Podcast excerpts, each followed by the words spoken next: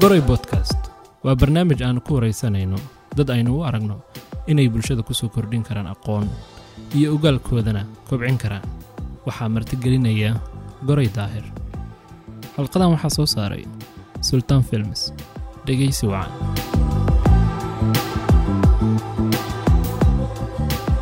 Goray bodcast galab wanaagsan.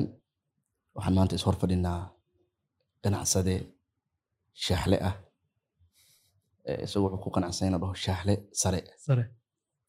Ka mid ah mulkiilayaasha asaasayaasha baydan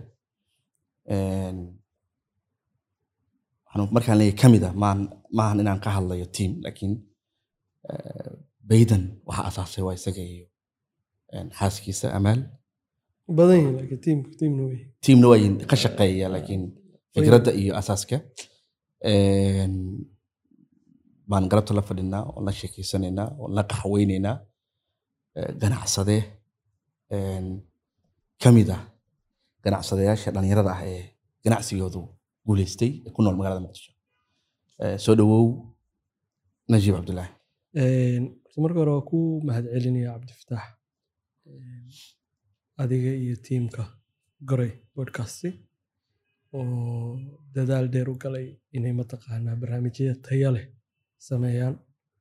Waxaana rajaynayaa inuu noqdo barnaamij waara oo ay u aayaan jiilal badan. Dad badan oo bulshada ka mid ah kuwii siyaasadda xiiseynaya kuwii ganacsiga xiiseynaya kuwii xiiseynaya mataqaanaa arrimaha bulshada inuu haga tusaale u noqdo. Een, waa rajeynaya in badanna uu jiro mar labaadna aad baan kaaga mahadcelinayaa inaad ii doorataan iina garataan inaan ka mid noqdo dadka haldoorka oo aad inaad xogahooda bulshada u soo gudbisaan aad jeceshiin marka mahadsanid. Eh, najiib aad u mahadsan tahay dad kala duwan baan barnaamijka qaybihii ka horeeyay ku wareysanay. Waxaan u malaynayaa qofkii ugu horreeya ganacsi. Sheeko la xiriirta aanu kala sheekeysanayna waa adiga. Taasna waa codsi dhalinyaro. Ka yimi. Najiib waa ganacsadaha hal abuuray ama bilaabay baydan cafe muqdisho ka furan ah. Meelo badanna hadeer muqdisho gudaheeda dhowr xarimood oo silsilada ku yeeshay. Soo dhowow waa dhowahay nooga sheekay bilowga qisadaada Een, intaan bilowga gelin horta mar kalena waa kaga mahadcelinaya Een, horta baydan asaasideeda iyo mataqaanaa miro dhalkeeda wax oo najiib cabdulaahi ku bilowdo kana kuna dhammaada maaha waxaan nahay team ah, family ah. Fikradaha iyo shaqada iyo mataqaanaa qaabkay wax kaste u socdaan siday u soo bilowdeen waa wax la isku keenkeenay Een, marxalado badan way soo marta oo qaarkood tijaabo yihiin bilow ah. Marka horta aniga keligay wax iga yimid maaha marka koowaad. Inta ugu badan oo mataqaanaa bilowgiisii hore iyo aasaaskiisii hore. Hadda dad tiro badan baa ka shaqeeya oo meeshuu joogo inay hore uga sii socodsiiyaan ay shaqadooda tahay laakiin bilowgii hore waxaa magac bixintiisoo kale waxaa iskale xaaskayga. Magaca markaa bixinaynay horta hadafkeenu wuu caddaa. Hadafkeenu wuu caddaa conceptigu wuu caddaa businesska waxa ugu muhiimsan aad samaynaysid marka hore waa inaa baahi xalinaysaa baahi jirta waa inaa xalinaysaa lagaba yaabo wixii aad samaynaysay inay magaalada hore uga jireen ama deegaanka ka jiraan. Marka waxaa imaanaysa adigu maxaa ka duwan tahay dadka waxaa samaynaysa marka wixii aan sameynaynay baahidaan rabnay inaan xalino inaan sameyno aan rabnay coffee shopka ah. Coffee shopyadu way kala duwan yihiin way qaabab kala concept aan qaabka wax ah aad bay u kala duwan yihiin. Marka conceptigan aniga iyo xaajiyadeyda on keena markaas ismaba aana qabinba by the way. Dad isqaba maana bilowga hore businesska markaan sameynaynay oo magaciisa wixiisa bixinay businesska marka baydan een, magacu horta wuxuu ka yimid ilaa wax kas magacay ka bilowdaan. Horta maxaynu u baahanaa ingiriis miyaynu u baahanaa soomaali miyaynu u baahanaa magac soomaaliya u baahnayn waxaan u baahnayn inuusan lix xaraf ka badan si uu u noqdo wax carabka dadka qaban kara. Waxaynu u baahnayn oo hadafkayga ku jirtay businessku inuu tago horta dibadda. Oo hadafka businessku maaha dalka keliya inuu ka shaqeeyo. Waa inuu afrika iyo adduunka meelihiisa kala tegi karo ka shaqeyn karo maadaama ay tahay waxa aan gadayno wax adduunka o dhan lawada isticmaalo.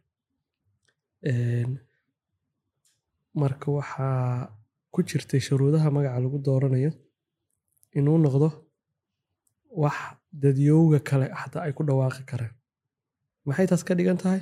Waa inaysa xa ku jirin waa inaysa kha ku jirin waa inaysa dha ku jirin. Intaas inays ku jirin halkaasuu ka yimid marka magaca.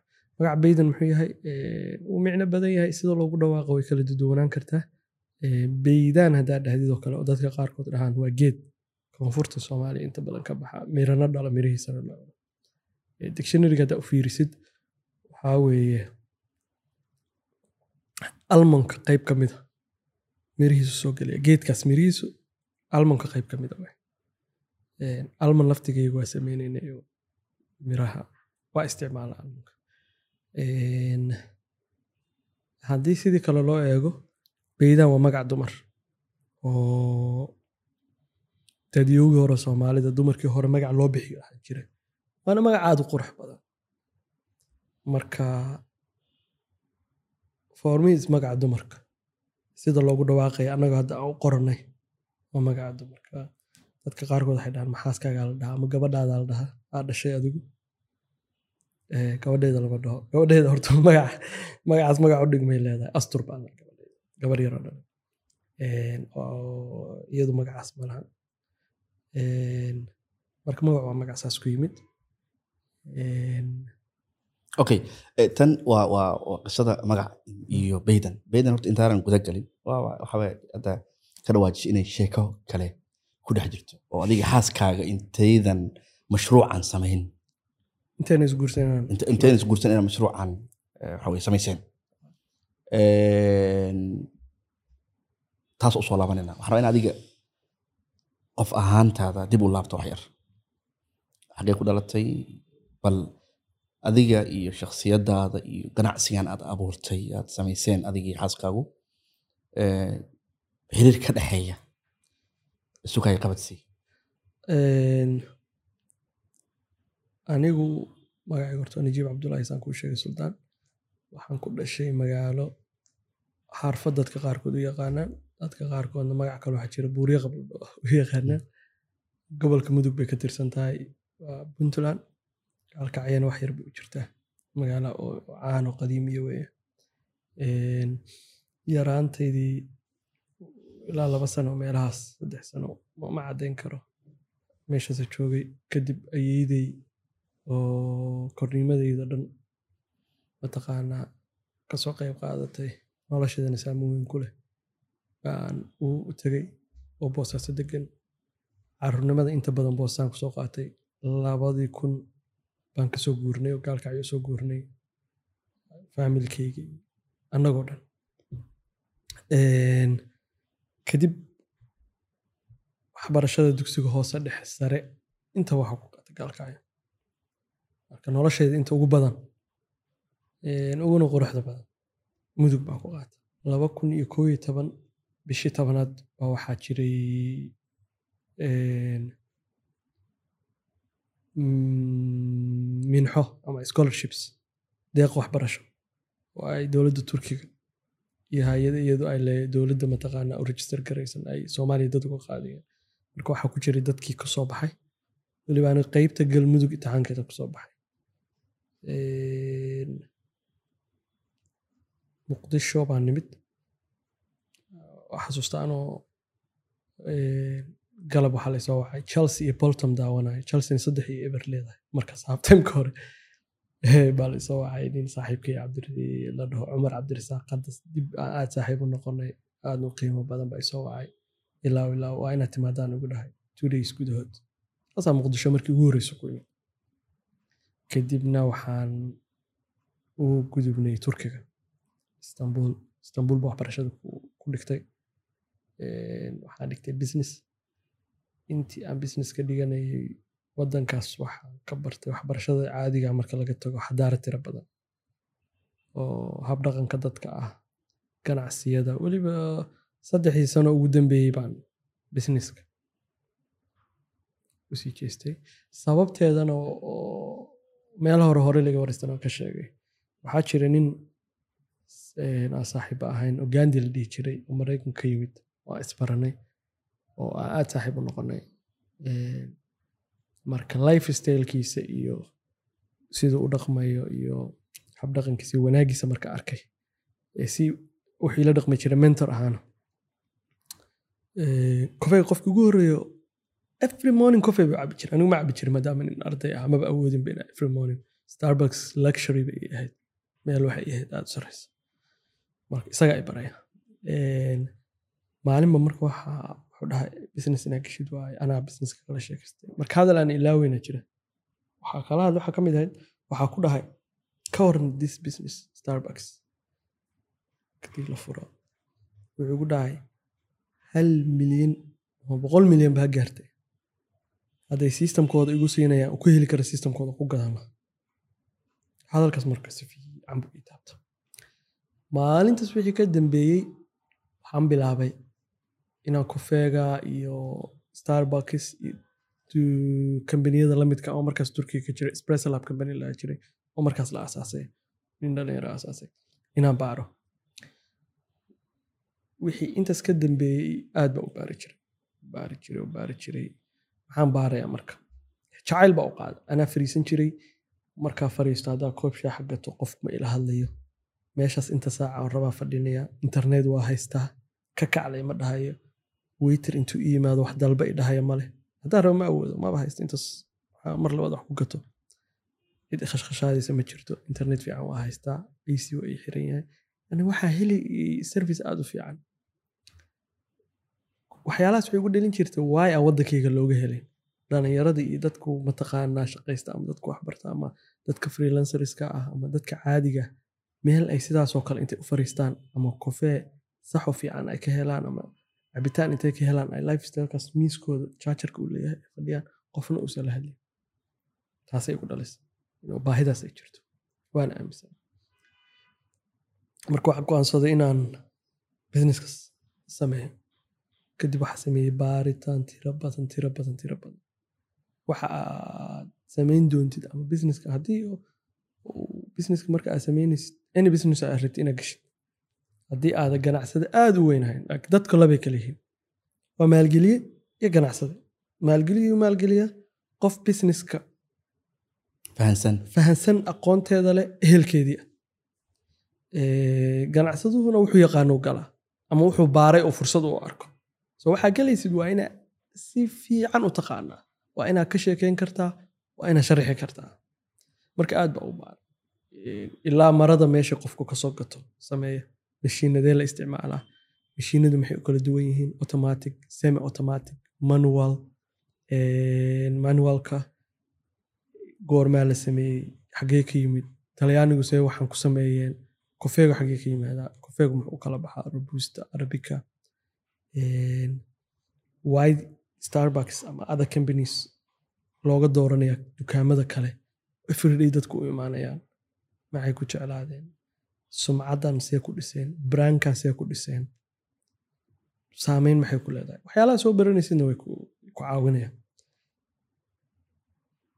Laba sano meelahaas anoo wada baa maalin maalmaha ka mida waxaa ku soo qoray instagramkayga. Classka markaa dhamayn rabay ahayd laba kun shan iyo toban hal fasal baa i meelahaas. Waxaa jiray kambani kalo marka aan aad u dabagalay espresso lab ladho jaamacaddeeda ku dhex yaalla marka ka sawiraa ka qaaday koobka waxaa ku qoray ganacsigan wuxuu noqon doonaa. Ganacsiga futureka yeelanaya coffee shopka koobka instagramku ku jira dadka fiirin kartaa baaritaanadii wax iska sii watay. Waa ogaa markaan soomaaliya toos u tago way iga gooneed ani inaan noqdo.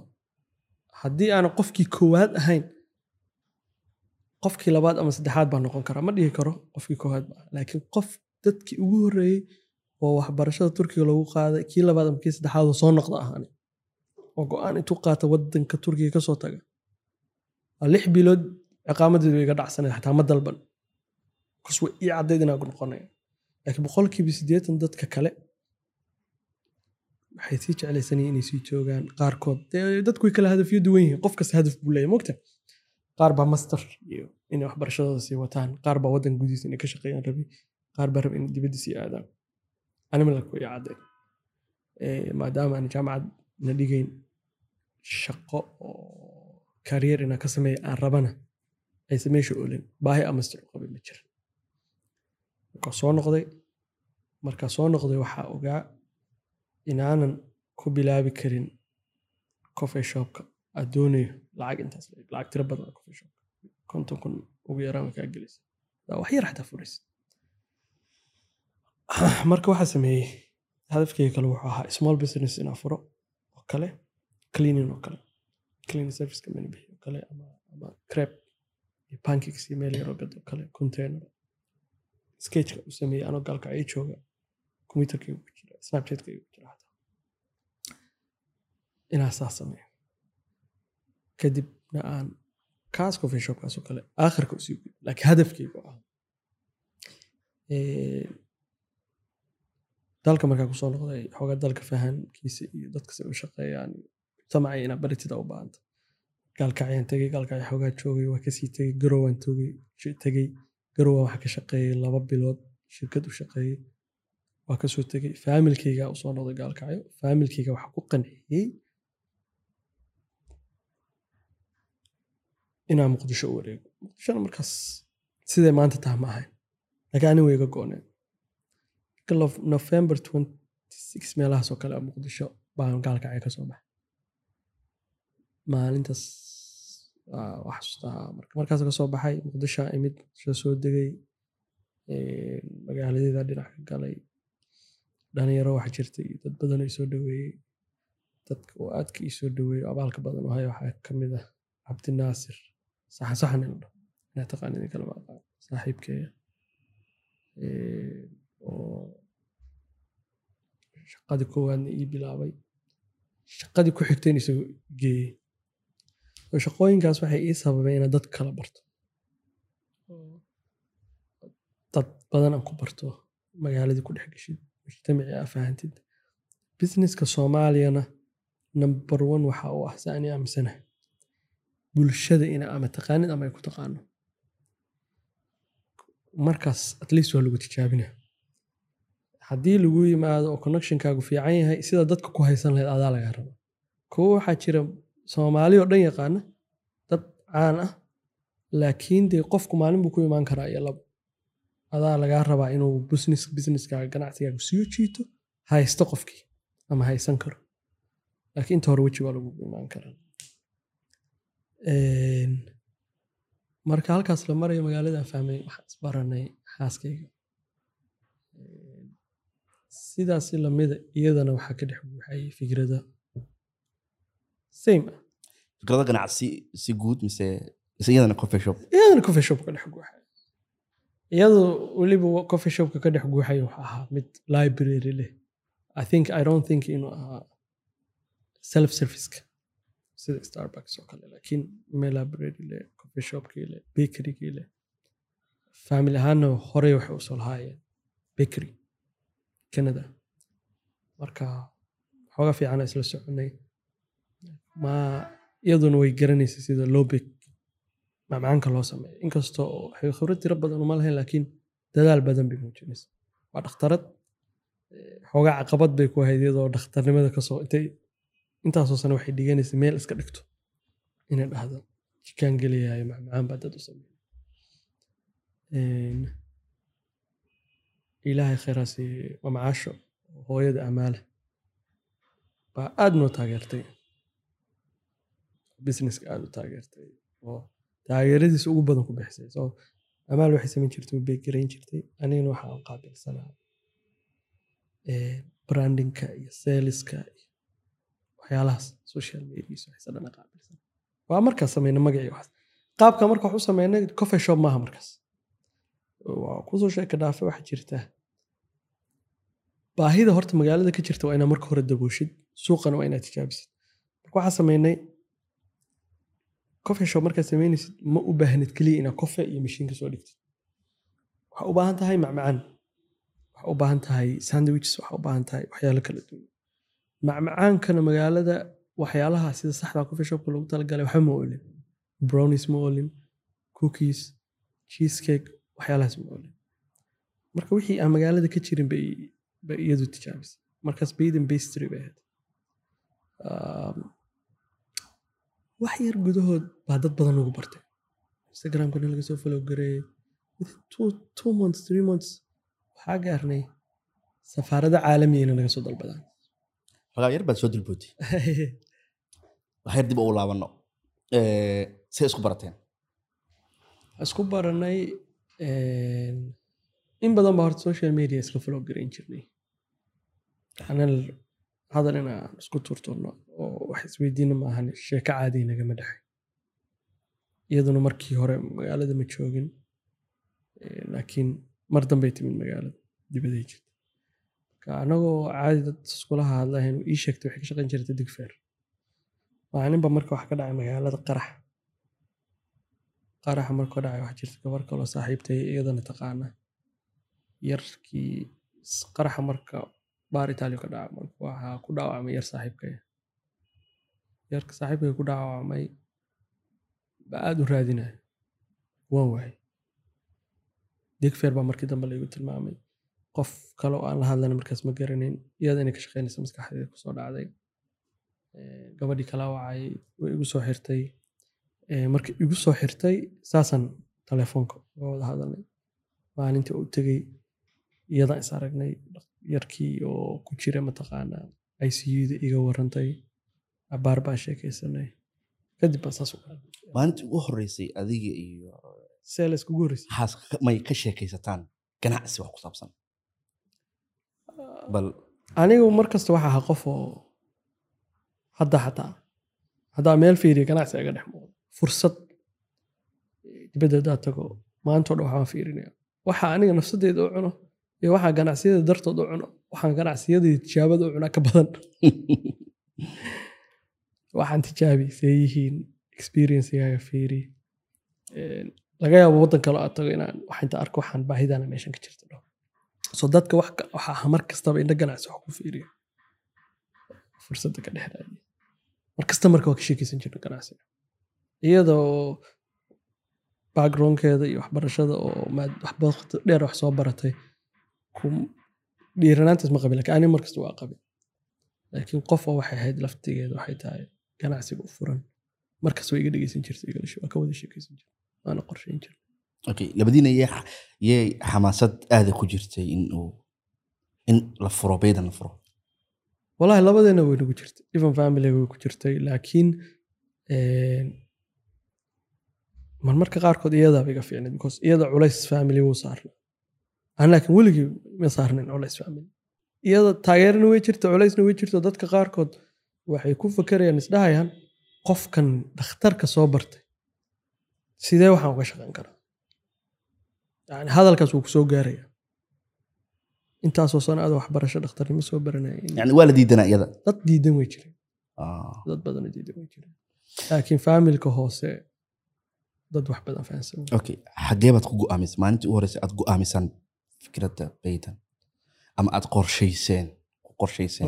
Meesha ma sheegi karo bad decisionka waa qaadanay. Waxaa ku bilownay from zero from home.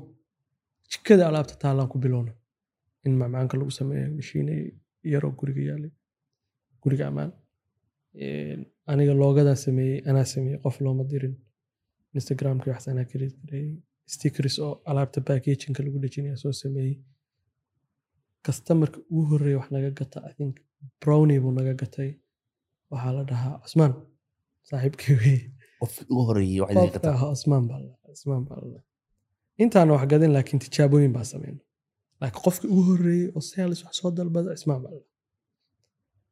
markay ay macmacaanka hore samayn jirtay. Customerkaas qiimo weyn qiimo gaar idinku fadhiyaa. Qiimo goonin uga fadhiya saaxiibana waana si fiican isku barana okay inta badan dad badan baa ku barata aniga ganacsi.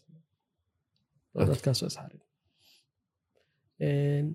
Kadib waxaa ogay in hadafku inuusan ahayn in guriga macmacaan ama meel laga sameeyo uusan ahayn. Waa in coffee shopka la fura si coffee shopka loo furo marka waxaa loo baahan yahay investment fiican oo waktiga ah. Waktina waa loo baahan yahay.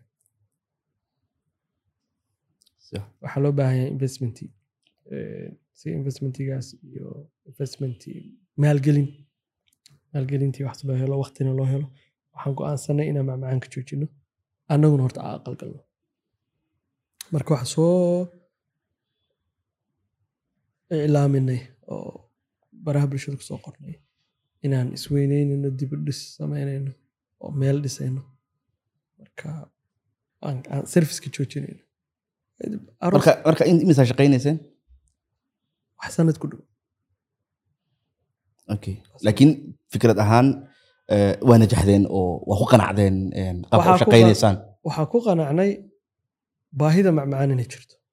Tii kofe waaba laisla ogaa mogtaha ina annaguna xallin karno baahideen annagu dad u tababari karno shaqadan qaban karno bilowga intaydan jikada galin oo jikada banaanka taagantahin qaabka aad wax u qorshayseen ama caqabado kow ama hal ama labo ah oo lais dhihi karo barnaamijkan waxay idinku ridi xogaa niyad jab ama inaad wax yar ka labalabaysaan bilowga hore een, horta waxaa u baahnayn annaga ma ahayn keliya inaan coffee shop abuurno waxaan rabnay revolution inaan sameyno kacdoon inaan sameyno marka kacdoon aad sameynaysidna waxaa u baahan tahay wax badan inaa oo jiray ama inaa wax ka bedeshid ama qaabka wax sameynaysid marka caqabada koowaad ugu weyn waxayd maalgashiga. Lacagta lagu maalgelinayo in la raadiyo. Ilaah una fududeeyey familiga ah, iyo bangiga oo markii dambe aan deyn ka qaadanay inaad business ka samaysid wixii horena ka duwan waa caqabada tiro badan bay leedahay oo aan la soo koobi karin. Mid midna waa kugu taaban doonaa laakiin marka hore waxaa rabaa horta sharaxaad yar waxaa sameynayna iyo meesha u socda inaan ka bixi. Baydan markaa sameynayna maan rabin inaan sameyno business kofeegada halkaas dukaan ku eg meesha laga furay jooga saameyntu yeelanayaan meeshaas ay ku koobnaato. Waxaan rabnay inaan sameyno wax magaalada yaalla wax ka duwan sidai u adeegan ka duwan sidai u egyihiin ka duwan. Qofku markuu dareemo markuu gacanta ku qabto uu dareen dareemayo dareen. Een, wax ka gadmi kara dunida kale wax sumad leh. Oo, een, sidee sumad ugu yeeli kara? Tusaaloo kale loogadeeda haddaa fiirisid halkan oo kale waxaa ku samaysan marada subiciyadda ah oo dhaqanka soomaalida ah. Markaa qabata waa dareemaysaa inuu dhaqan soomaaliyeed ku jirto. Biyidan oo kale way leedahay maradii subiciyadda ahayd bay leedahay. Soomaalinimaad dareemaysaa haddii aa soomaalinimada ka sii baxdid oo afrika inteeda badan tagtid haddaa uganda tagtid haddaa ethiopia tagtid haddaa kenya tagtid iyaguna maradan waa isticmaalaan. Waa isticmaalaan ugandana waa isticmaashaa. Ifan haddaad afrikada tagtid wuxuu noqonayaa sumad afrika ah afrika ka turjumaysa adduunka kale haddaa u baxdidna waxaa loo jeedaa inaad afrika ka timid. Afrika waa xaggee waa asalka qaxwaha adduunka qaxwuhu wuxuu ka yimid etoobiya ka soo baxa. Ninkii ugu horreeya hela ribaa hesha actually. Kofeega Eh, ridibu wuxuu ka dareemay inay riyihii kale ka firfircoon tahay ka orod badan tahay aysa seexaneen oo ka qaylo badan tahay. Maalintii dambe isna tijaabiyey geedka cunta inuu cuno oo fiiriyo. Saas qaxwaha ku. Asalka qaxwaha ethiopia oo berigaas hadee raba dhulka xataa soomaalidu ku dhowaa inuu yahay aan ogeyn meeshaas laftigeeda marka waxaan rabnaa wax value leh sumcad leh dhaqan leh dhadhan leh turjumaadna bixinaya inaa sameyno waxaas marka samaynaysa marka maxaa ku abuuri kartaa? Maxaa ku samayn kartaa? Waa inaa qalab tiro badan isticmaashid yacni waa inaa xirfado kala duwan isticmaashid. Waa inaa sumad qurux badan samaysid haddaa aragtay annaga businesska marka samayn waxaa ahayd kambaniga ugu horreeya isticmaala kuwan. Dadku markay coffee shop sameynayaan waxay sameeyaan kun doolar ama shan boqol oo doolar wax u dhig. Bay koobab caadiya ku soo gataan. Oo dhooba iyagana waxay isticmaalaan dhowr sano. Anagu dhowr kun oo doolar baa kuwan ku soo gadan oo ogyahay inay dhammaanayaan. Mar la soo gadayo dadkii kaloo hantida kula laaxtaa waa inaa ku qanicsid waxaan see loo isticmaalaya naga dhammaanaya maalin kasta khasaarayna gelinaya. Wax ugu weyn oo baydan in la barto hal mar ay kacdo oo qof kasta ogaadana sababay koobkan iyo siduu u samaysan yahay iyo sumadiisa iyo waxa ku duugan. Xaysiinta ugu badan koobkan u sameeyey bas qof kastoo qaadanaya. qof kastoo dhalinyaraa sbeshal buu dareemaya magaciisina wuu qoran yahay dhaqankiisina wuu ku qoran yahay qofkii wuu soo dhigaya maxay ka dhigan tahay markuu soo dhigo? Inuu dadkiisoo dhan gaaro instagramka ugu jira maxay ka dhigan tahay xaysiin firiga lagu sameeyey baydan intay furan tahay saddex boqol laba boqol oo doolar xaysiin ma bixi.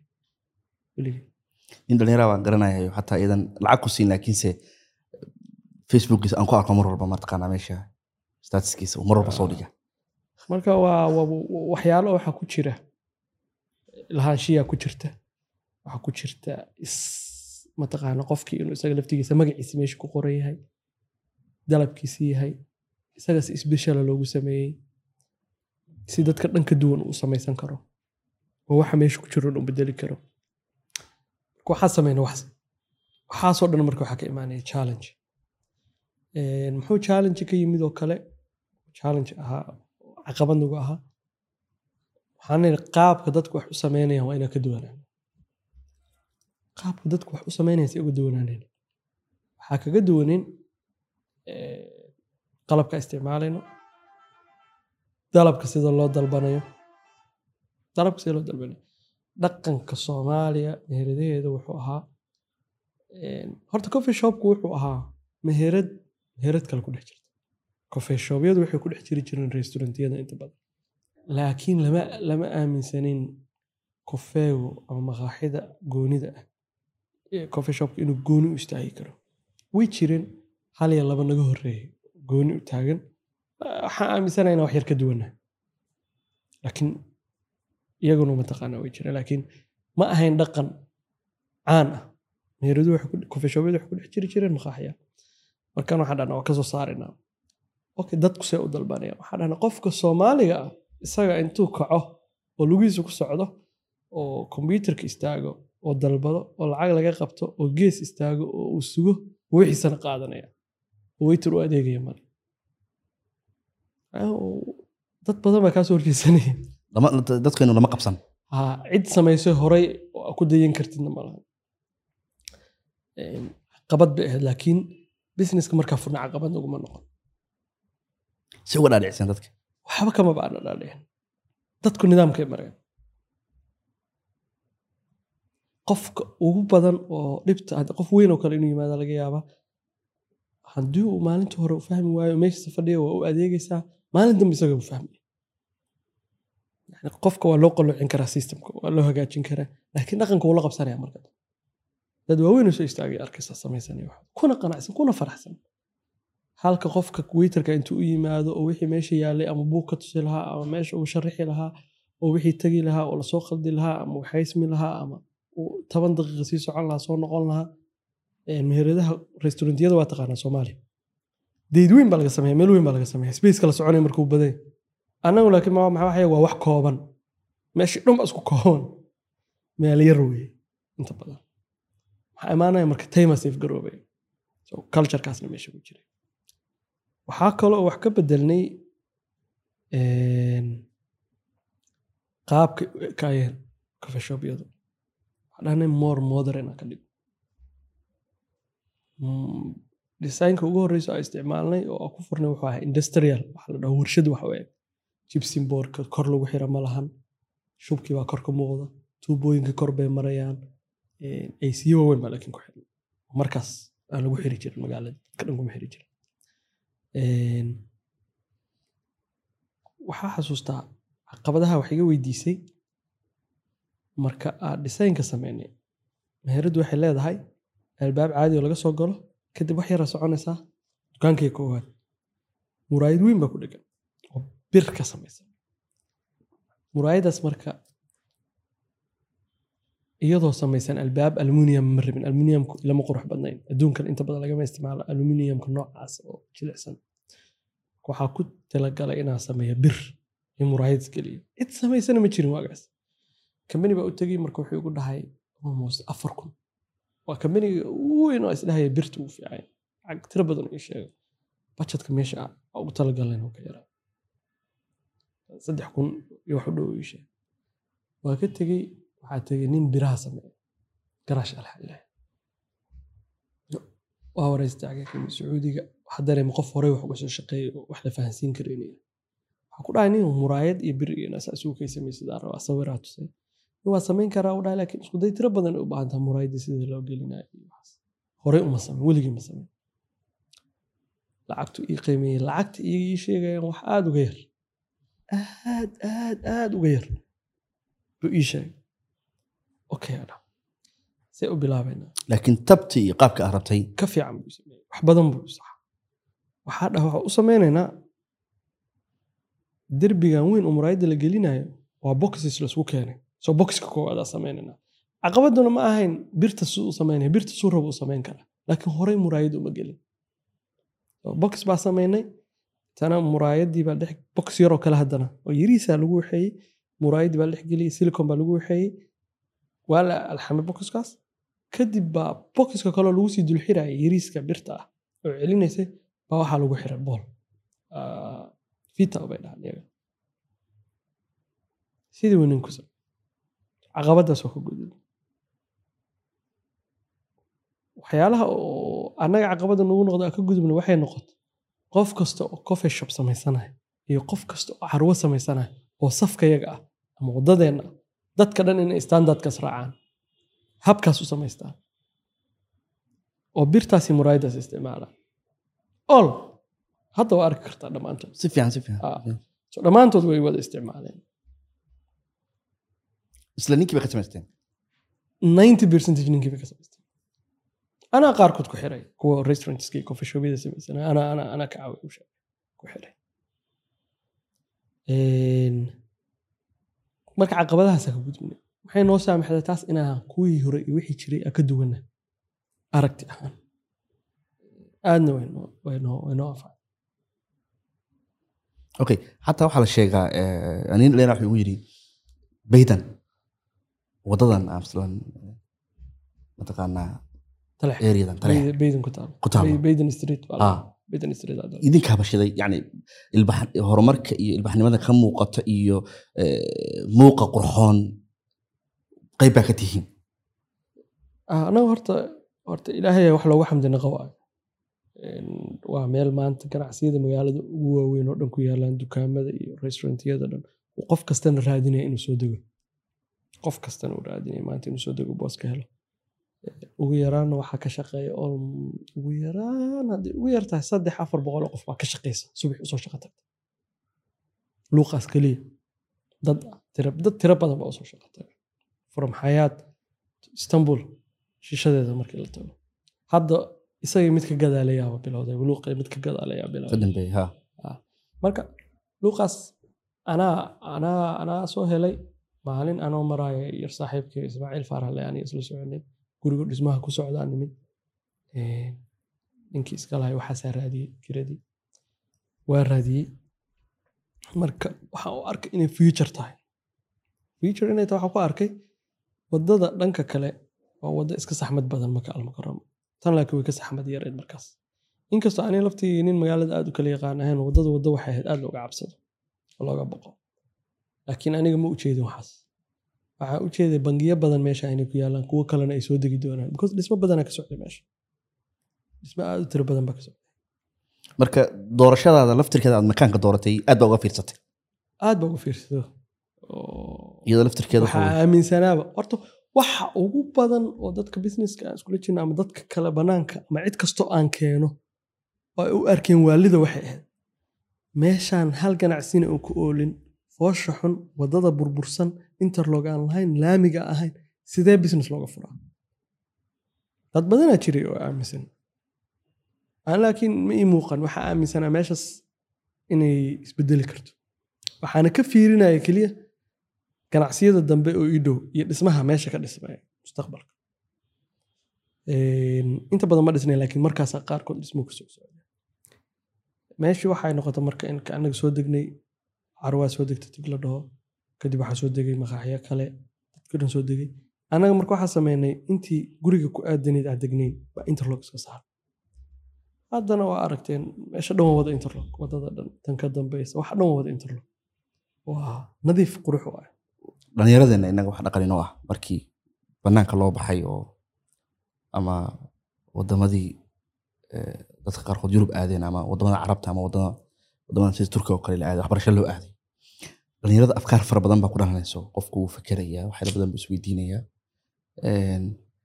su'aalaha uu isweydiinayo dhanka ganacsiga ku aadan inta badan jawaab waxaa jira noo diyaarsan oo aanu isa siino. Tusaalahaan oo kale adiga eh, waxaad tiri kofeshobyadii aan fadhiisan jiray bay ka dhalatay fikraddan. Haddii adiga aan kuu qiyaaso oo kale markaad istiri fur fikraddan soomaaliya intaad rarto soomaaliya gee akiid waxaad maqashay codad badan oo ku saabsan iyo ganacsiga noocan oo kale soomaalidu eh, ma fahmayaan. Ereygaas in badan baa la adeegsadaa. Ganacsi ma ahan dabaqada soomaalidu som- qofka soomaaliga qof een, aan qaxwe laba doorar kafe- kofi laba doorar aan ka bixinayn Eh, shay hal doorar iyo bar aan ku cabeen yani fikradda noocaasa sibaad uga gudubteen. Walaa horta wax kasta oo aad samaynaysid een, waxa waaye dadku dad badanoo ku dhahaya way jiraan Nad soomaalidan soomaalida keliya kuma koobno bulshooyinka dunida oo dhan baa waxay u samaysan yihiin sidaas. Socon maysa iyo halkan ka jiri maysa iyo horaa loo sameeyey iyo ma hebel baa intaas wax kaaga gadanayay. Way jiraan ani ahaan taas ishu weyni lama wax aad weyni lama hayn hoos dhagahayga maskaxdeeda maba u furnay waxaas aniga shakhsiyaddeeda markaa ka hadla ma Een, waxaana aaminsanaa ilaa haddan aaminsanahay haddaa rabtid inaad muuqatid ama producti aad si fiican uga soo dhex baxdid inaad meel u go'did oo meel saas aa rabtid aad ka soo dhalashid tusaaloo kale ana hadda kuma jiro keliya kofe laakiin mostly waxyaalaha cunada ku saabsan businessyada wax ka shaqeeya ku jira. Juusto inaa maqashaa laga yaaba juusto bizeria meel laha jirta biisada gada magaalada awal biisa waa lagu gedi jiray. Restaurantiyada dhan lagu gedi jiray. Coffee lagu gadaa. Juusto i think hadda waxaan u waana biggest pizza shop oo waxay leedahay saddex location waana meesha keliya biisa keliya gada way jiraan baa laga yaaba dukaamo kale biisa gada magaalada way ka jiraan. Laakiin iyada pizza pizza bes pizza keliya gada dad aad tiro badanoo jecelna way leedahay. Kaasoo kale markaan sameynaynay waxa uu aadnay hal wax. Way kaasoo dhex saaraysaa. Oo dadka wax furi doonoo kale dhalinyarada mataqaanaa? Cid kastoo jecel in wax waxaa dhihi lahaa wax badan ha isku furin ma aha ma ku dhahayo hal product gad laakiin hataa hataa da restaurant furi sidoo kale wax kooban koob waxa meel dadku ha kugu soo hagaagaan. Haddii la dhaho haddii aa gedid cunno dhaqan noqo dadka cunnada dhaqankooda qofka businesska ku soo dhacaado. Sida haddii baydan coffee dhaho kale ay baydan qofka maskaxdiisa ugu soo dhacayso kale juusta ugu soo dhacayso kale. Eh, khasab maaha inaad kuu geshid xataa. Ilaa saddexdaa soo geshido caadi laakiin waa inaa noqotaa meel in lagugu soo hagaaga. Sumad inaa yeelatid waa in soo hagaaga. Marka mar hore waxa ay weydiisay waxyaalaha oo isbedelada oo kale waxaa ku jiray gadaale maskaxda kaga soo dhacata waxyaalaha aa bedelna waxaa ku jiray sida loo shaqeeyo iyo shaqada cidda qabata waxaa nahay faaniga ma aha laakiin wax aad ugu faraxsanahay waay. Kombanigii maqaaxidii coffee shopkii ugu horreeyey kofee ah mashiin bir ah oo gabdha ay ka shaqeeyaan. Mashiinada gabdhaha looma dhiibi jirin. Gabdhaha ka shaqeeya. Waxaa awoodnaa maalinta hadda dhan oo kale dukaamada qaarkood intay gabar furto inay gabar xirto. Macalku albaabkeeda iyadu furato aa aragta weyn. Ay iyagu supervisorsku ahaan karaan iyagu dhammaysan karaan shaqada dhan gabdhuhu qaban karaan. Awalna shaqada shaqa dumar ku jira maahay haddaa og tahay in kale ma aqaane 99 percentage restauranteska soomaalida jikooyinkooda cunada laga soo sameeya ragaa ku jira dumarku way ka maqan yihiin guryahana waxaa ku jira dumar. Laakiin marka banaanka loo saaro oo ganacsi noqda ragaa gelaya naga laakiin rag iyo dumar bay ku jiraan wayna ka shaqeeyaan. Si nidaamna loo shaqeeya weliba aaday u karti badan yihiin. Waan ku arkay. Taasoo kalena waxay noo samaysay. Annagana dhiirigelin wayna siisay goob shaqo oo lagu wada shaqayn karana way abuurtay. Hadday noqoto kale waxyaalaha ay ilaalinayno kale waxaa ka mid a dadku inta saacadood ay shaqeeyaan. Dadku double shift ma shaqeeyaan inta badan. Sideed saacadood iyo hal saaco fasaxa break sagaalka saacadood ay shaqeeyaan.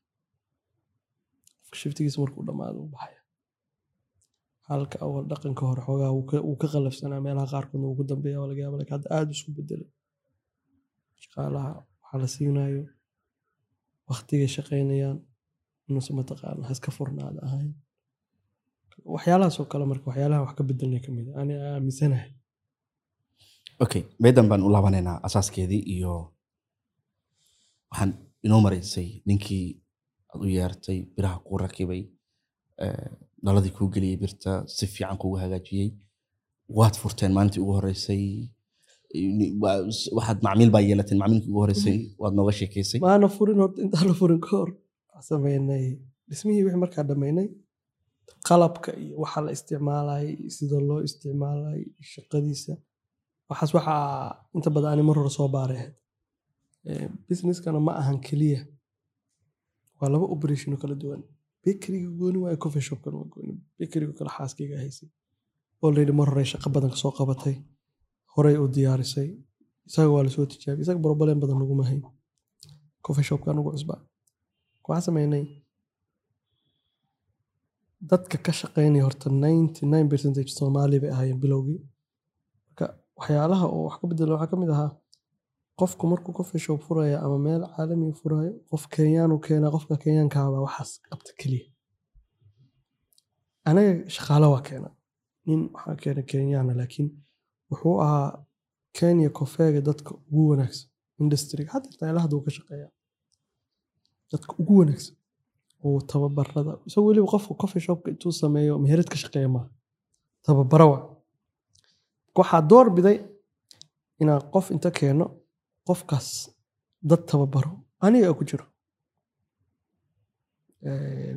Aniga anaan rabay cilmiga sida saxda ah inaan u barto. Waxaa ka shaqaynaysid waa inaad taqaanaa waa sharixi kartaa waa inaad samayn kartaa sannadkii ugu horreeya aniga waxaa ahaa baarista kofeega ku jiri jiray mashiinka kofeega ka shaqayn jiray shifti hatuu soo geli jiray sanadka yaana dhihi laakiin bilihii ugu horreeya oo dhan si systemkaas iyo shaqadaas waxaasoo dhan u fadhiyaan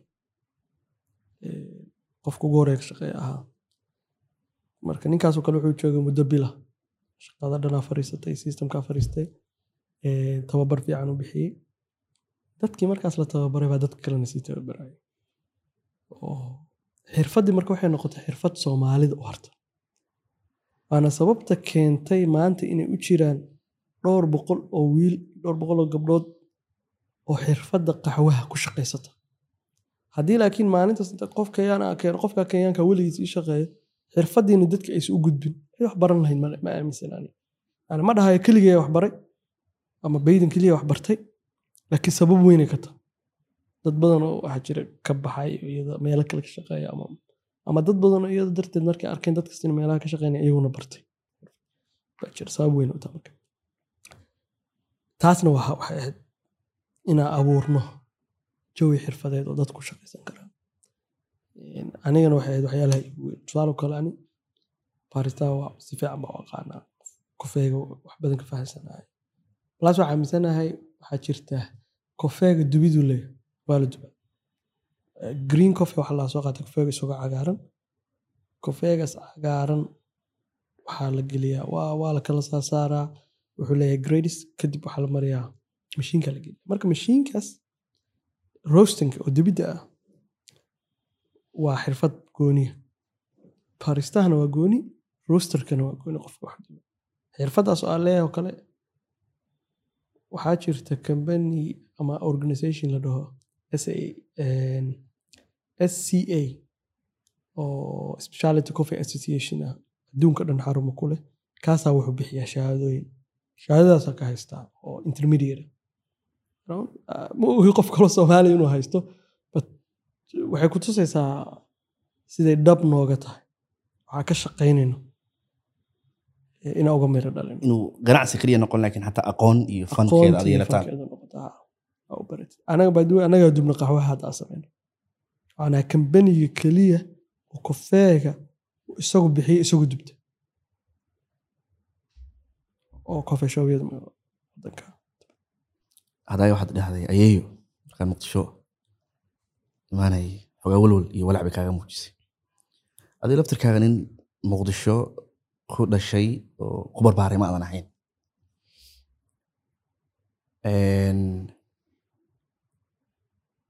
Maantana ganacsiga noocaasa oo guuleystay qaabka u guuleystay ka fikrad ahaan iyo ka ganacsi ahaanba ayaad ka dhex samaysay.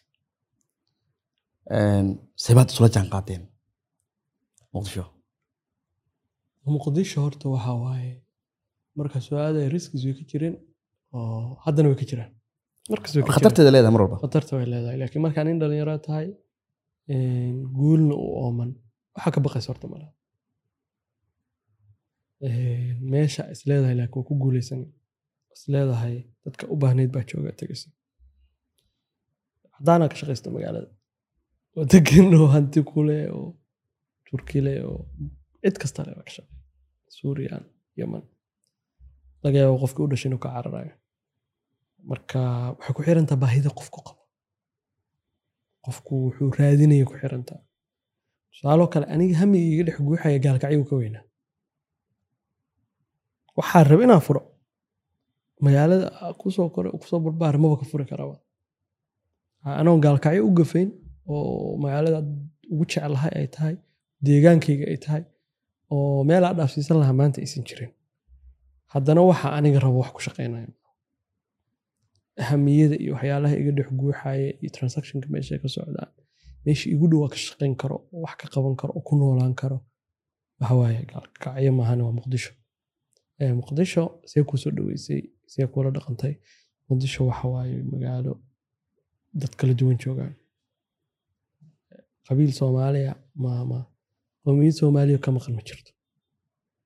Cid kastaa ku kulmaysa markii dad kala duwan isku yimaadaan oo ay diversity timaadaan ilbaxnimaa timaada meelaha dadka reerka kaliya joogaan ama ama ama ama dad gooniyi joogaan waxaa aaminsanaha ilbaxnimada waa ku yaraana bcause wax kala duwan dadku ma sheegi karaan afkaar kala duwan ma imaanayso dhaqamo kala duwan ma imaanayaan isma xushmeynayaan. Bcause wixii o dhan isku mid a laakiin haddii oo ay yimaadaan afkaaro kala duwan iyo dhaqamo kala duwan iyo siyaasado kala duwan waxaa imaanaysa in lais dhegeysto lais xushmeeyo. Waxaa imaanaysa in lais dagaalo. Oo waxaa imaanaysa in la heshiiyo. Een, meeshaasna waxaa ka jira fursado tiro badan marka dad kala duwan jooga. Nololaa ka jiri karta fiican. Dhaqdhaqaaqa ka jira. Saas darteeda muqdisho oo- ani ku doortay waan aaminsanahay meel ka fiican oo ka wanaagsan inay jirto. Ma aaminsani. Meel ka wanaagsan. Lagu ganacsan karo ama lagu noolaan karo. Magaalo aad wanaagsan dadkeeduna wanaagsan yahay. Kuwa yimid iyo kuwii degnaa labadaba. Okay bayden maxay ku soo kordhisay muqdisho? Muqdisho intaan la gaarin horta aa fiirino ganacsiga food and beverageka ama cabitaanka iyo cunnada maxaa ku soo kordhinay waxaa ku soo kordhinay een, in ay nagu daydaan dukaamo badan maqaaxyo badan kofishobyo badan dad badan ay nagu daydaan. Aniga guula u arka marka. Dadka koobiga iyo qof kugu dayda iyo business la sameeyey iyo kuwa adig kaasii fiican wax guula u arkaa shaqa abuuraa ka dhalanaysa? Horumaraa ka dhalanaya? Mm, sectorka oo kafeega ama restaurantigana kor u kacaya taasna waxay ka dhigan tahay maalgelin local dadka deegaanka inay wax maalgashadaan. Ka dhiganta marka waa dhaqaalo koror. Tusaalaha kale een, marka laga tago ganacsiga ganacsigu isku noolyahay annaga waxaa leenahay suppliers. Dad noo adeega. Caana kuwaa noo keena kuwa kafee noo keena kuwa syrups noo keena shirkad baa biyo noo keenta korontaa qaadanaa dadaa kira uga jirnaa.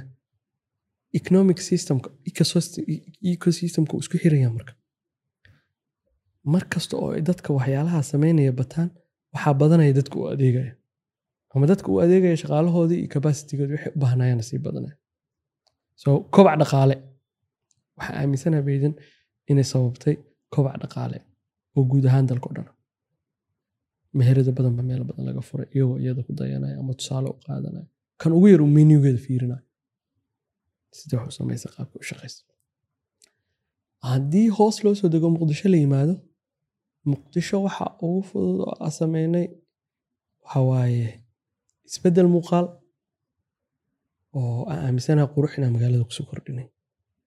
Shaqo abuur jawi ganacsano jawi ganacsi oo ka duwan kuwii hore oo dad badan maal gashadeen businessyada anagu ku jirno oo kale.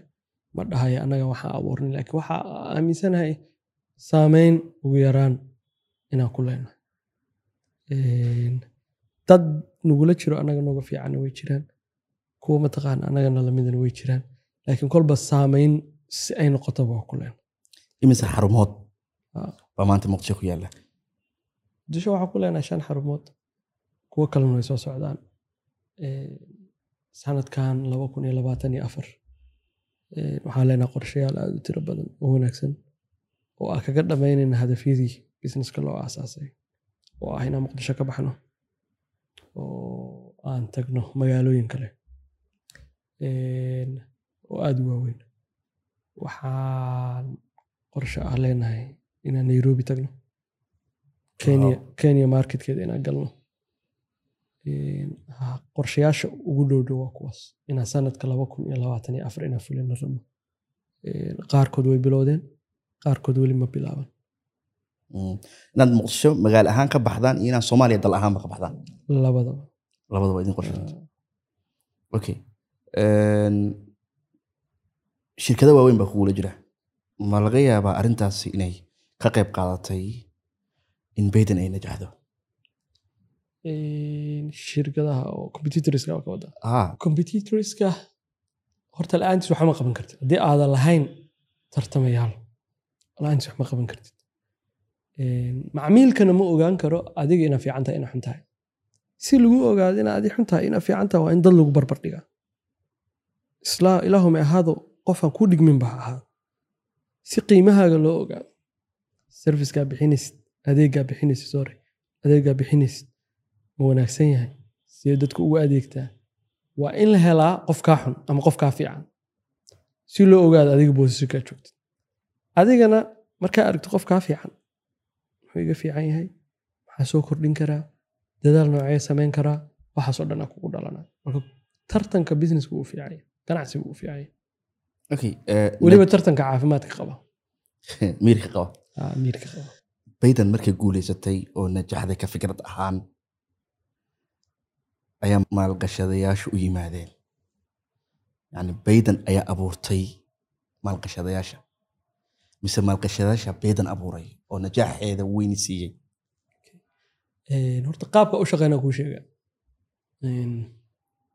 Waxaa ku shaqeynaa franchise wax la dhaho in qofka uu baydan maalgashado.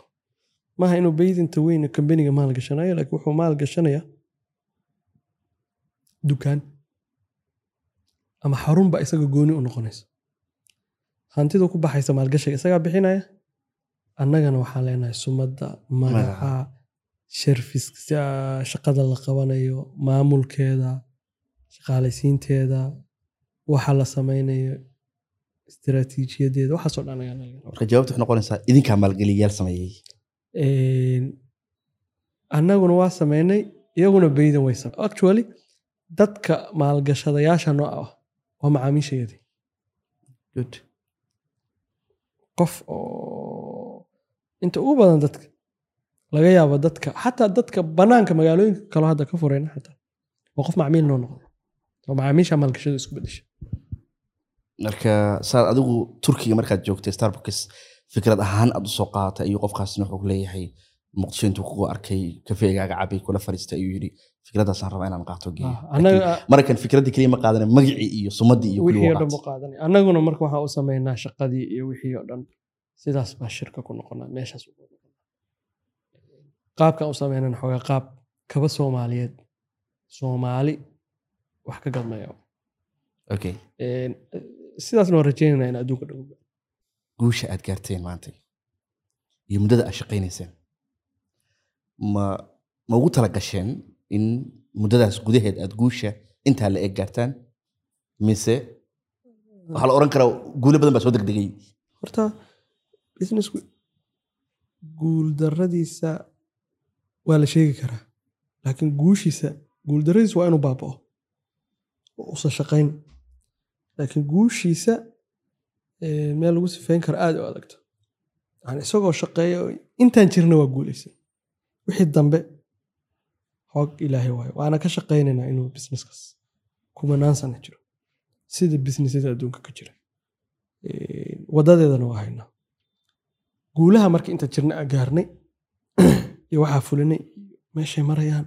Iyo marka waktiga loo iyo fiiriyo waqtiga loo fiiriyo horta waa ku faraxsanaa waxaa aaminsanahay guulo badan in annaga ka daahnay waxaa awoodnay sanadka koowaad inaan dukaan kala furno. Meel kala furno laakiin qorshaha yaga ma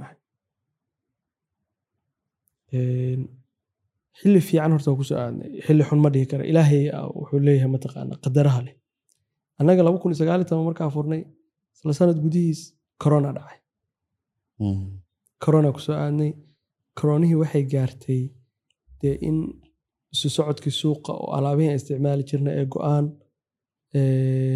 adeegyadii wixii oo dhan ay suuqa ka baxaan dadkii in la xakameeyo aysan meelna fariisan karin dukaamada la soo fariisan karin. Waxaan nahay haddaad xasuusato kambanigii ugu horreeyay oo muqdisho ka jira oo ku dhawaaqa inay macmiishiisu aysan meesha dhex fariisanayn self serviceka oo fadhiga dhanka qaada kuraasta dhan waa aruurin. Si aan u ilaalino caafimaadka macaamiisha kambanigu hore Eh, kadib kambaniyo kale way sameeyeen waxaan go'aan ku gaarnay kuraasta dhan inaan qaadno fadhi dhan laga dhigin dadku istaag istaag ah, haddaa rabto waa ku sii karaa pictureska xataa intay soo istaagaan alaabtooda qaataan bay waddada istaagayeen laba laba mitir kala durkayeen xaalad aad u adag baa ka soo gudubnay oo dad badan oo qiimo leh mataqaanaa ku naf waaya jawi aad wuxuu ahaa mataqaanaa aad wax marka horta inaan korona ka soo dhex baxno waa guul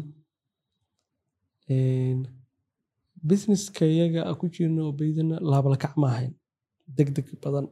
Hal mar xarun dhag dhag dhag dhag dhag. Geedkii orod lagu fuulo orod baa laga soo degaa.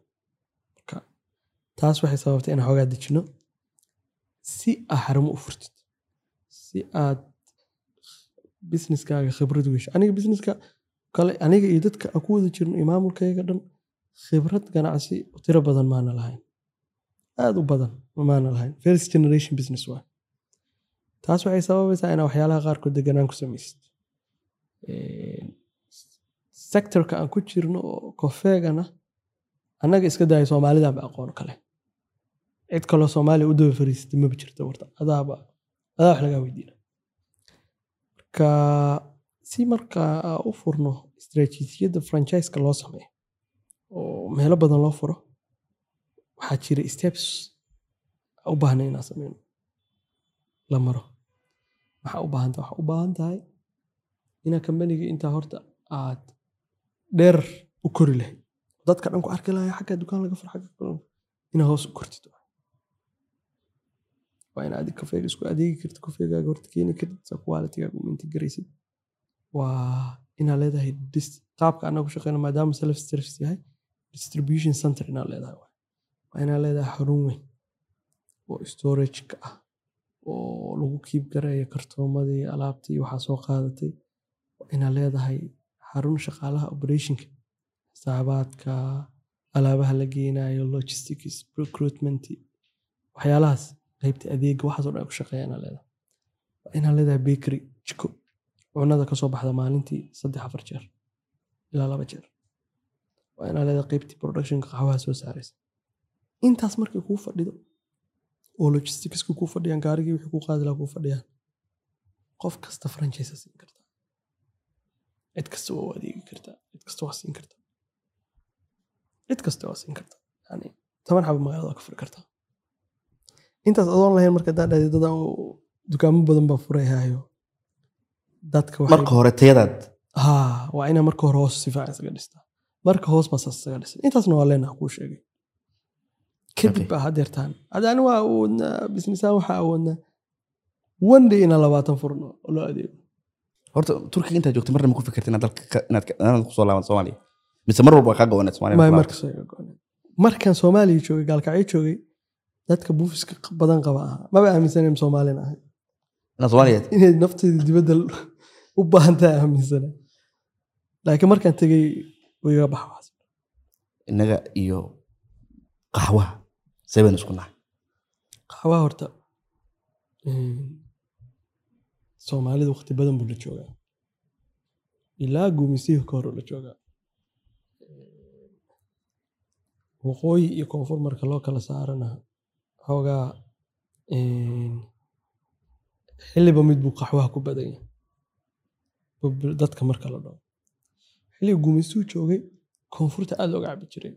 Saa ani aaminsanahay waxaana keenaya een, hadda xamarweyne iyo meelaha lamidka ay tagtid iyo talyaaniga kofeega aad u soo geliyay yani talyaanigu waa asaasaha kofeega waa hal abuuraha kofeega mashiinada la isticmaalo cabitaanada kofeega laga cabo oo dhan dobio cabashino nero waxaasoo dhan. Talyaani bay ka yimaadeen. Mashiinada dhan automatica semi automatica horta casriga mashiinada dunida ah kambaniyada sameeyo dhan waa italiyaan adduunka horta marka loo fiiriyo kofee qofkii ugu horeeyey meel kofee la furo oo fura yurub ka furay. Waa nin syriana biljimia meelahaasoo laga furay. Kofeegana turkida waxay bartay yurubiyanka u geysay. Yani yani kofeega markaa ku leeyahay kofeega in ganacsi laga dhigo. Ninkaas marka istanbul joogi jiray kadib xagga tegay yurubkii isaga laftigiisa. Kofeega wuxuu ahaa wax ay cabaan ismaaniyiinta markay talin jireen oo kale hadiyad ahaan xataa ugu geyn jireen yurub yurub saas ku galay hataa kadib italiyaanka. Saas italiyaanka laakiin aada u soo kiciyey. Starbucks oo kale maraykanka markuu ninka geynayay howard kale iyo saaxiibadiis itaaliya itaaliya ku soo arkay. Itaaliya wuxuu arkay dadkii kofee cabaya mashiin la isticmaalayo kadib uu maraykanka la tegay. Sida anaga hadda u keenayno soomaaliya saas loo dhahayo oo kale oo qaabkaas oo kale isna qaabkaas ku loo geeyey kama dhigna inaa waddadooda maran laakiin qoloba qolay ka soo qaadato soomaalida marka kofeega in badan bay isticmaalisay. Italyaanka kale way keeneen. Qoyigoo kale hadda kofeega aada looga isticmaalaa. Koonfurta waxaa aaminsanahay xilligan la joogo somaliland inay ka kofeeca badan tahay. Especially dhalinyarada haddii la dhaho kale. Saa anay aaminsanahay listigiina mataqaanaa waxyaabaha ad haysaan listiga maraan arkay qaa'imada waxaa ku jiray qaxwa soomaali Yes. anigu waxaan xasuustaa qaxwaha ama bunka waxaan u naqaana waxa ay xilliga rabadaanka waayeelka cabaan weliba hooyada iyo ayeeyada iyo loo sameeyo bahal aan caana lagu darin oo kharaar oo rasiin ah markii banaanka u baxna waan aragnay dee inagu xataa dalka joogna waan aragnay makiinada lagu sameeyo kobashiino iyo waxyaaba qalay laakiinse qaxwahaas kale baynu naqaan bunka dheg jabiya marka idinka waxaan ku arqaamadeena qaxwa soomaali. Ma ma qaxwahaas ee ayooyinkan cabi jireen ba? Mise dariiqad soomaaliya waxaa jira qaxwaha loo sameeyo. Same way. Oo traditionka ah oo saxda ah loo sameeya waana qaxwihii soomaaliga saxda ah. Qaab makiinadeed ka dhignay waxaa maqasha hor soomaha qaxwo turki. Qaxwo qaxwo turkidu leedahay inuu jiro ogta soomaha oo turki u baxa. Turkiga qaxwo kama baxo.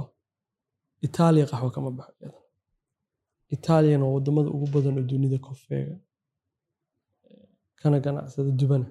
Laakiin waxaa jirta qaab loo dubo italian roast loo. Turkishka waxaa jira qaab loo dubo loona shiido loo sameeyo. Eh, iyagu shiiditaankooda wuxuu yahay xoogaa very fine waay u khafiif yahay. Arabic coffee ayaa la jira waxa la dhaho. Arabic coffeega iyo somali coffeega isku dhoweeyeen labadoodaba coffee keliya lagama sameeyo. Coffeega waxbaa lagu daraa. Arabic coffeega waxaa lagu daraa safran iyo hayl.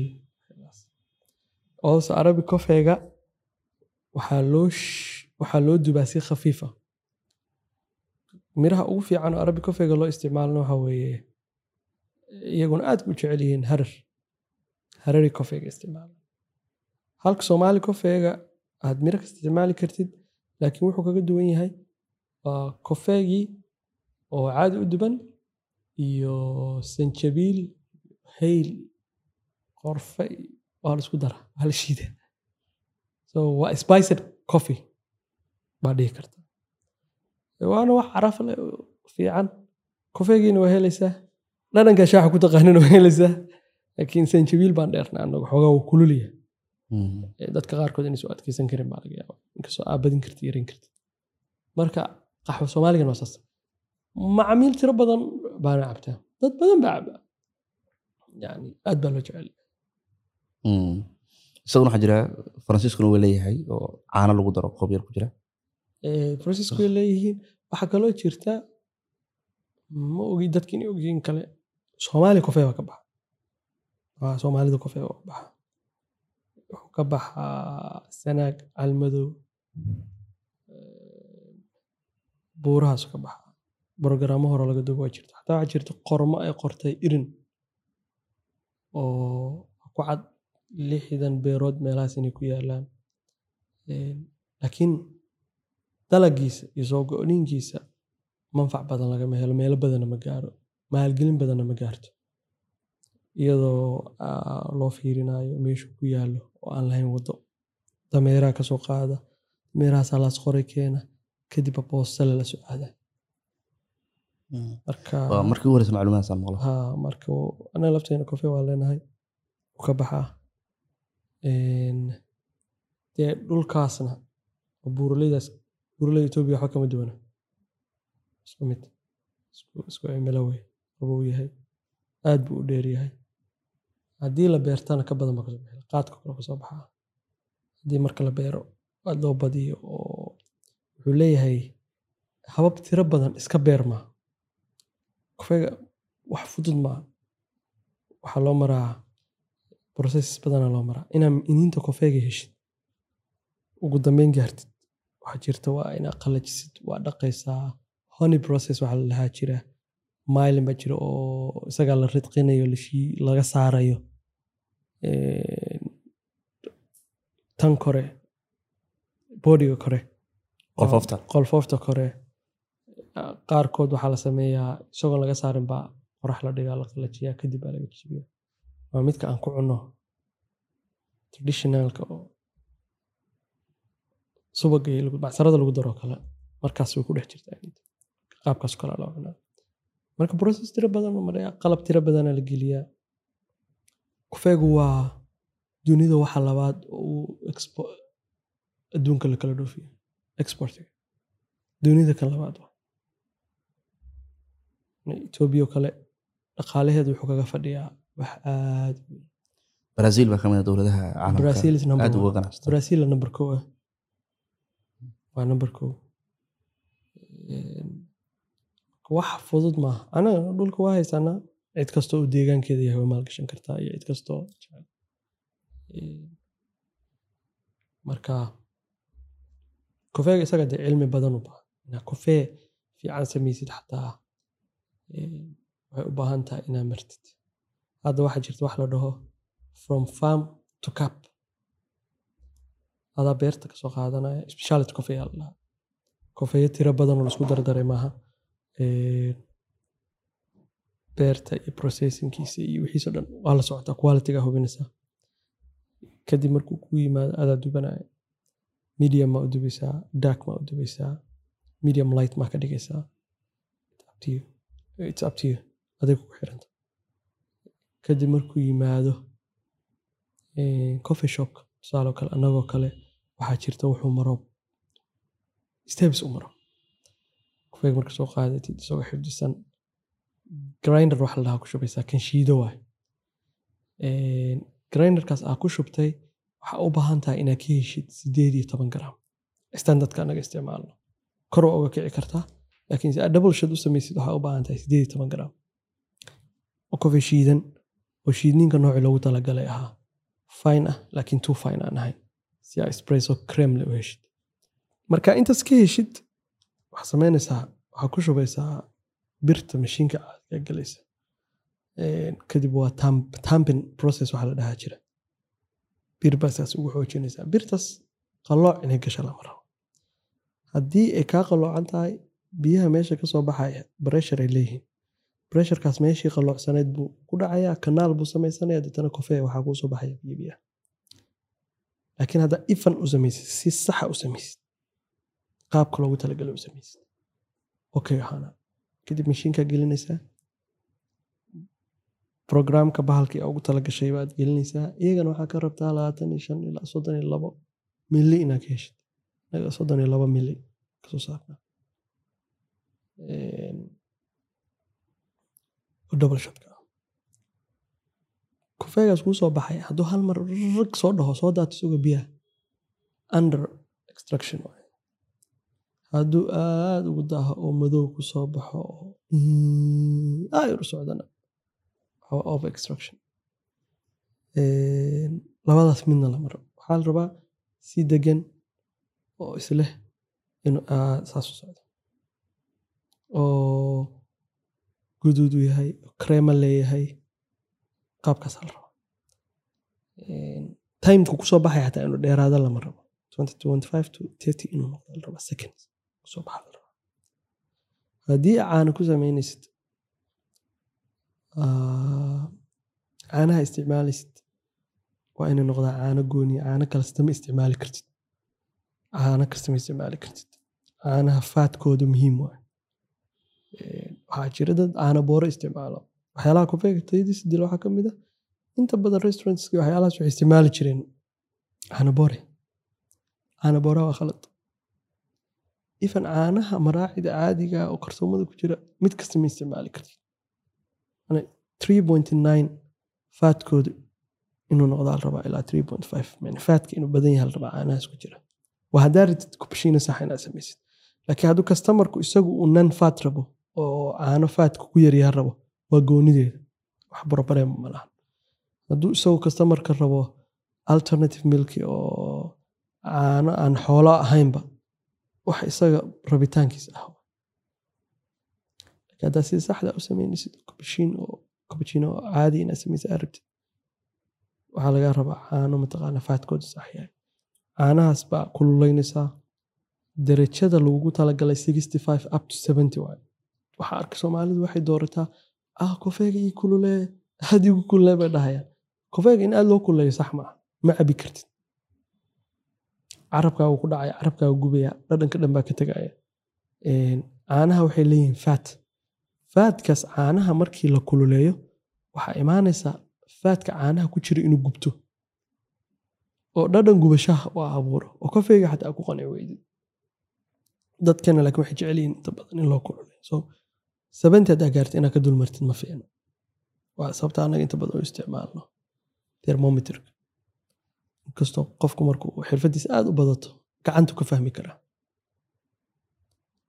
marka inay dhaafto lama rabo intaas oo aada loo kululeeyo kadib waxaa imaanaysa xirfadaada iyo sida aartiga u samayn kartid. Aarti tegi kartaa laakiin waa inuu haddaa kubashiin samaynaysa foomkiisu badan yahay haddaa laad samaynaysa foomkiisu inuu yaryahay ilaasoo kale joogaa Hadda kortaada samaynaysa uu ka duwan yahay makiyaata haddaa samaynaysa uu ka duwan yahay process tiro badana loo isticmaalo Yani, koobka aa qaadanaysid oo markii laguu dhiibo inta qabata qaadada gelinaysid aa foomka ka- aa ka daadinaysid wax dheer loo soo maraa in la sameeyo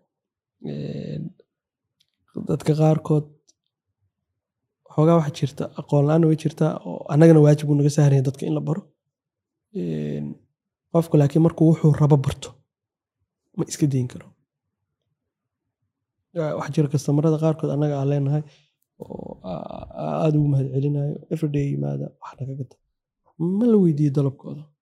Markasoo galwaa la yaqaano waxu dalbanay waxaa imaanaya connection. Waana dee anaga qaabka u shaqeyna iyo waxaa aaminsan waxaa aaminsana in community tahay. In motowgeena iyo qaabka oo waxaa noo haysan community coffee culture. Intaas la isku keeno cultureka waxa waaye waaba ka turjumaynaa dhaqanaa ka turjumaynaa jira kofeegu waa wixii dadka isku keenayey communitygana waa dadkii isku yimid. Waxaa isku imaanaya qof freelancera dad meesha ku shaqaysta ganacsato dhalinyaro cid kasta. Isugu imaanaysa. Isku baranaya kuwa iska guursanaya oo jiraaba iska guursaday waaba loo soo qaarkood Eh, dad badan iska barto iska mataqaana iska guursada jira. Eh, maxaad ku jawaabi lahayd? Eh, haddii lagu dhaho soomaaliya uma diyaarsana meel mashaariic ganacsi laga sameeyo. Ah, horta annagoo jacayl waddan nagu jiro jacayl magaalo nagu jiro. Ma la rabo indhahayna iska xirno tusaaloo kale haddii lagu dhaho waxaan meesha lagama fulin karo. Waa sax way dhici kartaa inaan laga fulin karin. Aniga hadda maanta haddaa weydiisid oo i dhahdid magaaladaas abeydin raba inaan ka furo. Waxaa jira magaalooyin waaweyn oo hadda kuu sheegi karo ku dhihi karo lagama fulin karo. Ku dhihi karo ma laga furi karo oo clear reasonskana sababahana waa kuu sheegaa agabka u baahanahay iyo supplyga iyo alaabta waxa lagu sameynayo iyada ma ka heli karo? Iyada inay soo gaaraan aaday u adagto ama wadadeeda xiran ama waddo loo soo maro ma lahan? Waa sabab bulshadeedu target customerkaa rabay aniga. Waxaan ku dhihi karaa aad bay ugu yaryihiin waxaa ku dhihi karaa growthska yani koriimada ah, businesska anaga ka shaqeyn oo kale wuxuu ku fiican yahay in dhowr xarumood la furo oo kale. Yani faa'iidas fiican u soo saari kara maadaama hal meel ay distribution ku tahay. Haddaa waxaa ku dhihi karaa meeshaas kobac tiro badan lagama sameyn karo. Tusaalaha ugu fudud oo kale aan ku siin kara waxa weeye kofeegu wuxuu ka baxaa baan ku iri sanaag iyo calmadow ka baxaa. Isagoo halkaas ka baxa waxaa laga yaabaa kambani kaniiba oo raba inuu boqol milyan ama hal milyan ama toban milyan ku invest rabo waa run meeshii wuu ka baxayaa laakiin kaabayaashii dhaqaalihii meeshii ma laha. Waddaduu mari lahaa ma laha. Diyaaradna ku qaad maalin kasta. Waa maya. Lagama fulin karo. Marka way jirtaa wax badan aan laga fulin karin. Oo way dhici kartaa ayaa la qariibsan. Caqabado fara badan baa hortaagan caqabado fara badan baa hortaagan qaarna waxay u baahan tahay adiga inaa wax samaysid wax ka gudubtid qaarna waxay u baahan tahay inay bii'adu ku diyaariso. bey-adu inay kuu diyaariso dowladdu inay kuu diyaariso mujtamacu inuu kuu diyaariyo ma ogaan karnaa miisaaniyadda a ku bilowdeen?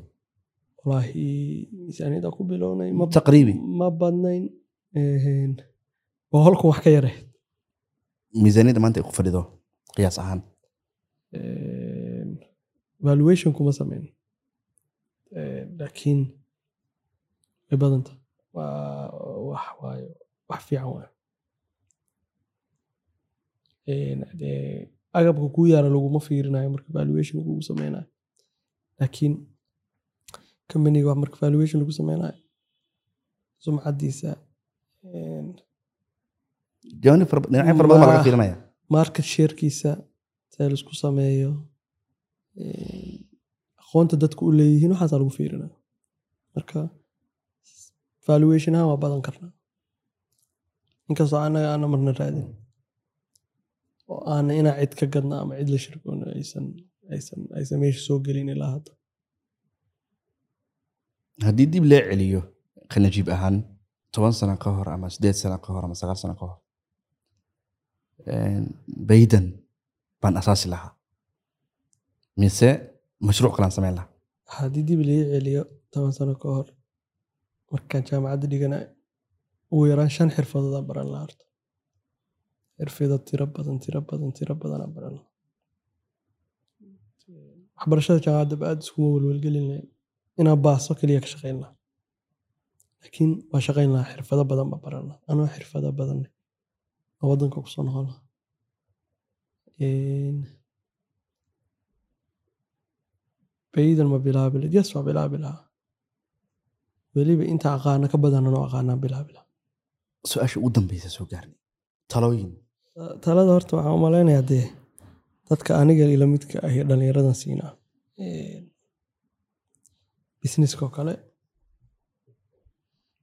business markaa furaysid waxaa jira anaga haddaa dhallinyaranahay anigaba saas waa sameeyey waxaa isku fog waxaa aad aad aad waqti u gelinaa loogadu sida u ekaanayso iyo mataqaanaa magaciisa iyo een, qorshayaashiisa. Business plan wax la dhaho business plan wax la dhaha ma jira is fake. You need one paper hal waraaq waxa ina u baahatid plaankaas uu isbedela everyday aa bedeli doontaa markastaa bedeli doontaa. Laakiin inay wadadaada ku caddaa waa wax saxa. Aniga i will sell this. Kana gadayaa saana ku soconayaa kan kan ma gadayo. Maskaxdaada bay ku jiri karta waana qori kartaa. Laakiin business plankan oo five pageska in la qoro la rabo oo kan la sameeyo waxaas waxa aada muhiim u ah maaha saa ani aaminsanahay hal business lama sameyn ani. Meelo businessya kale lagu sameynayna waa joogay laba iyo saddexna waa arkay oo ani aan ku dhex jiro. Intana mataqaanaa business planka waxaa muhiimadda koowaada maaha waxaa muhiimadda koowaada waxaa waaye waa inaa fiirisid horta waxaan faa'iido ma soo saarayaan. Qiimeyn xisaabid inaad samaysid. Maxaa kaa gelaya imise sanay soo celinayaan? Sideeba u shaqaynayaan? Maxay kaaga baahan yihiin adiga oo man bowera yaa kula shaqaynaya? Awood ma u leedahay yaa waxaan ka shaqaynaya su'aalahaas inaad isweydiisid waxaa jirta waxa oo aniga aan uga booda marka hore dadka dhalinyarada iyo dadka inta badan businessyada gelina ay ka boodaan. Businesska marka aa go'aansatay oo alaab aa soo gadanaysid oo businesskaas inaad samaysid aa go'aansatid. Qofka koowaad oo sameynaya waa adiga. Shaqada qabanaya soo ma ka labaad xisaabiya ka dhig xisaabtiis maalinta koowaad ba hala bilaabo xisaabta iska hagaaji accounting system deji lacagtu say u gelayso say u baxayso rasiidaday ku baxayso cidda lagala soo xariirayo cidda dabagelaysa seeliska la qabta sida loo xareynayo waxaasoo dhan baa waxay yihiin aad muhiim u ah waa number one so qof kasta oo business sameynaya taasaan kula talin lahaa productigaaga dib aa ka hagaajin doonta. Khasaarada aad uma hagaajin karti laakiin productigaaga waa hagaajin kartaa baraysinka wuxuu kugu kalifi karaa inaad deg deg suuqa uga baxdid adiga oon xisaab saxa sameyn oo shaygu intuu kugu fadhiya fiirin hadaad dhahdid intaasaan gadaya waxaa laga yaabaa kastamarkii waxa uusan rajeynayn inuu ka bixiya inaa adigu dhahdid. Marka cid gadata aa weydid kastamarska waxaa jira macaamiisha waxaa jirta qiime ay rajeynayaan inay waxyaalaha qaarkood ku qaataan marka haddaad dhaaftid dhibaatay kugu keeni karta. Haddaa ka hoos martidna aday khasaare kugu keeni karta. Iyo faa'iida daro marka xisaab saxa inaad samaysid u baahanta dhinacyo tira badan inaad ka fiirisid aa u baahan tahay xisaabta waxa ugu muhiimsan waa businesska. Number onka suuqgeynta iyo kanaa sameynaya waxaas oo dhan ku dambeeya. Marka koowaad xisaabta iska soo hal khalad oo ka dhacay beedan horta baydan iyada uma u malaynaya inay khaladaad ka dhacaan. Laakiin waxay khaladaad ka dhacaan dadka maamula waa fahmaya? Inaa kuu sheegaa rabaa so anoo u fiirinaya anoo dadka kale fiirinin khaladaadkan iga dhaco kale hadaa fiiriyo kale. Ani waxa aaminsanahay inaan naxariis badnahay. Dadka marka tiimka kula shaqeynaya marka aada ugu naxariistid oo wax badan ugu dulqaadatid wax badana ku halaawi kara.